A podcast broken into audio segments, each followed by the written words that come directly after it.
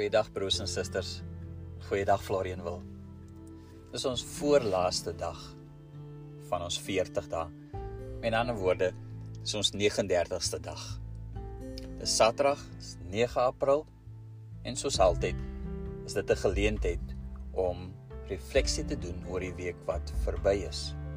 Dis tyd vir ons eksamen. Uh gebed. Die doel altyd hiervan is is om te reflekteer oor wat in hierdie week gebeur het. Ons probeer die Heilige Gees se beweging in ons lewens raak sien. Ons probeer onderskei wat is dit wat die Here vir ons sê. Daarom raak kry ons weer met 'n geleentheid om gemaklik te raak in hierdie oomblik, gemaklik te sit nou ons spiere te laat ontspan. Ons skouers te laat ehm uh, relax ontspan. Rustig asem te mag haal.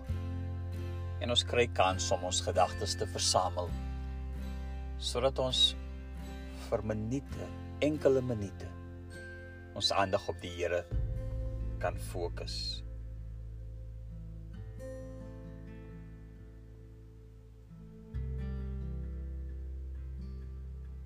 aanbiddelike Heer. Hier is ons Here weer vandag met alle vrymoedigheid voor U. Ons raak daarvan bewus Heer dat U vir ons lief is. En dankie Vader dat as ons begin om te reflekteer is die eerste punt altyd Here. U liefde staan vir ons voor. As U vir ons die gebooie gee, die 10 gebooie, dan moet ons eers hoor, Here, dat U ons verlos het uit Egipte. En nou Vader, voordat ons reflekteer oor die week wat verby is, onthou ons, Here, U is vir ons baie lief. Dankie daarvoor, Vader. In die naam van ons Here Jesus Christus. Amen. Ons staan vir 'n oomblik stil by die afgelope week. Weereens ons mag verskeie van ervarings gehad het. Maar ons refleksie is oor die woord van die Here dit wat ons gehoor het die afgelope week. Sondag was die geleentheid waar Dawid vir die profeet Nathan sê dat hy vir 'n huis vir die Here wil bou. En dan moet hy hoor dat God vir hom sê nee. Klink aanvanklik goed, maar dit dra nie God God se goedkeuring weg nie is nie die wil van die Here vir hom nie. En eintlik moes Dawid leer dat God wil vir hom 'n huis bou. Maar nie net vir hom nie, ook vir sy totale nageslag. God is besig om iets groters te bou. En daarom al wat Dawid moet doen is om te fokus op die Here. Hy hy kan nie en hy mag nie 'n guns vir die Here doen nie. Maandag het ons dan gereflekteer oor Dawid toe hy die woord hoor van die Here. Dat hy voor die Here gaan sit. En dan dat hy met die Here praat. Dit is waar. Wanneer ons goed doen, beteken dit ook dat ons by kere beïndruk raak met onsself en ander raak beïndruk met ons en dan verloor ons ons afhanklikheid van die Here.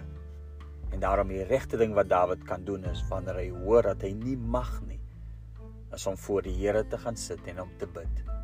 Nie nuwe planne te maak nie. Nie nuwe inisiatiewe voel met met dit vorendag te kom nie. Nee. Eintlik maar net bewus raak van God se planne vir hom en sy nageslag. Daarom is 2 Samuel 7 God se verbond met Dawid en hy moes dit hoor. Dinsdag was Psalm 21. Ons hoor dat Dawid vra en wat hy vra. Ons hoor dat hy vrymoedig vra vir hulp, redding, toevlug, verlossing, vergifnis, genade, Heilige Gees, noem maar op. En in Psalm 21 word die Here geloof vir gebedsverhoring en daar is blydskap daaroor. Woensdag was die mooi verhaal van Mephibosheth. En die gestremde seun van Jonathan. Dawid wat as regverdige en billige billike uh, koning optree, voeg nou liefde by sy koningskap. En nie sommer enige liefde nie. Maar wat hy doen teenoor Mephibosheth is om soos wat die Here getrou is, is hy getrou in sy liefde aan Jonathan se seun. Dawid bewys 'n ewigdurende liefde aan Mephibosheth. Dis vrygewig. Dis ewigdurend. Dis mooi. Vir Donderdag het ons Psalm 51 gelees waar Dawid bid vir 'n Reinhard. Dawid het bewus geraak van sy sonde. Nathan het met hom daaroor gepraat. En dan in die eerste plek raak hy weer eens bewus van die Here en natuurlik van sy sonde. En ons leer in Psalm 51 dat ons diepste nood as Christene eintlik is. Ons het 'n behoefte om in 'n regte en herstelde verhouding met die Here te leef. Dis ons behoefte. Want ons grootste sonde is nie die dinge wat ons doen nie, maar dit is om van die Here te vergeet en dan verkeerd te handel. Gelukkig maak God se troue liefde vir Dawid en vir ons ook moontlik om na die Here toe te gaan. Vrydag was God se genade is groter as sy oordeel. Dit was die storie van die vrou in Johannes hoofstuk 8. Jesus red haar van steniging, maar deur verkondiging van vergifnis aan haar word sy gered. Daarom herinner Paulus vir ons daaraan. Daar is geen veroordeling vir die wat in Christus Jesus is nie. Dit was ons tekste vir hierdie week. Ons mag verskeie dinge ervaar het. Miskien is daar iets wat ons verras het van hierdie teksgedeelte. Miskien is daar iets wat ons ontstel het. Miskien is daar iets wat ons bemoedig het. Kom ons kry so 'n minuut geleentheid en kans om dit net na die Here te bring en daai beweging van die Gees raak te sien.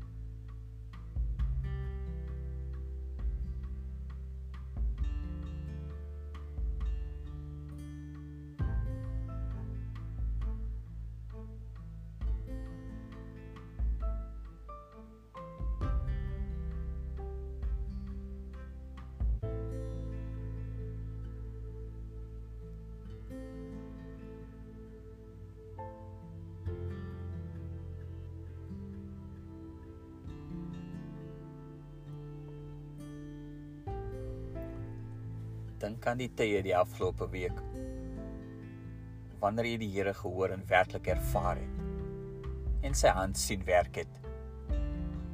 Dink daaraan wat die respons was, die antwoord daarop was. Miskien was daar weerstand om getrou en gehoorsaam te wees. Miskien was daar vrymoedigheid. Miskien het dit maklik gekom. En wat ons nou doen in die volgende oomblik van stilte is net om dalk met die Here daaroor te praat. As dit nodig is, dan vra ons vergifnis. As dit is dat ons die Here loof vir 'n mooi optrede van ons kant af op grond van sy genade, dan is dit wat ons nou ook kans kry om te doen.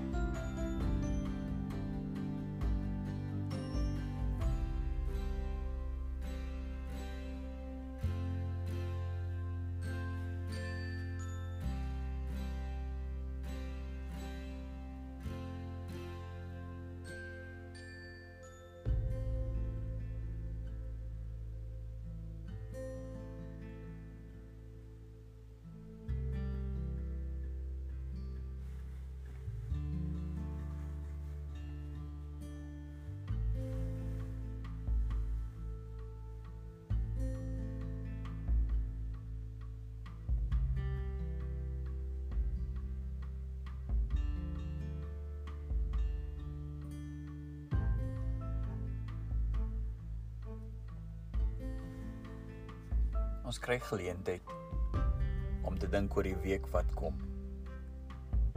'n Week met al sy uitdagings.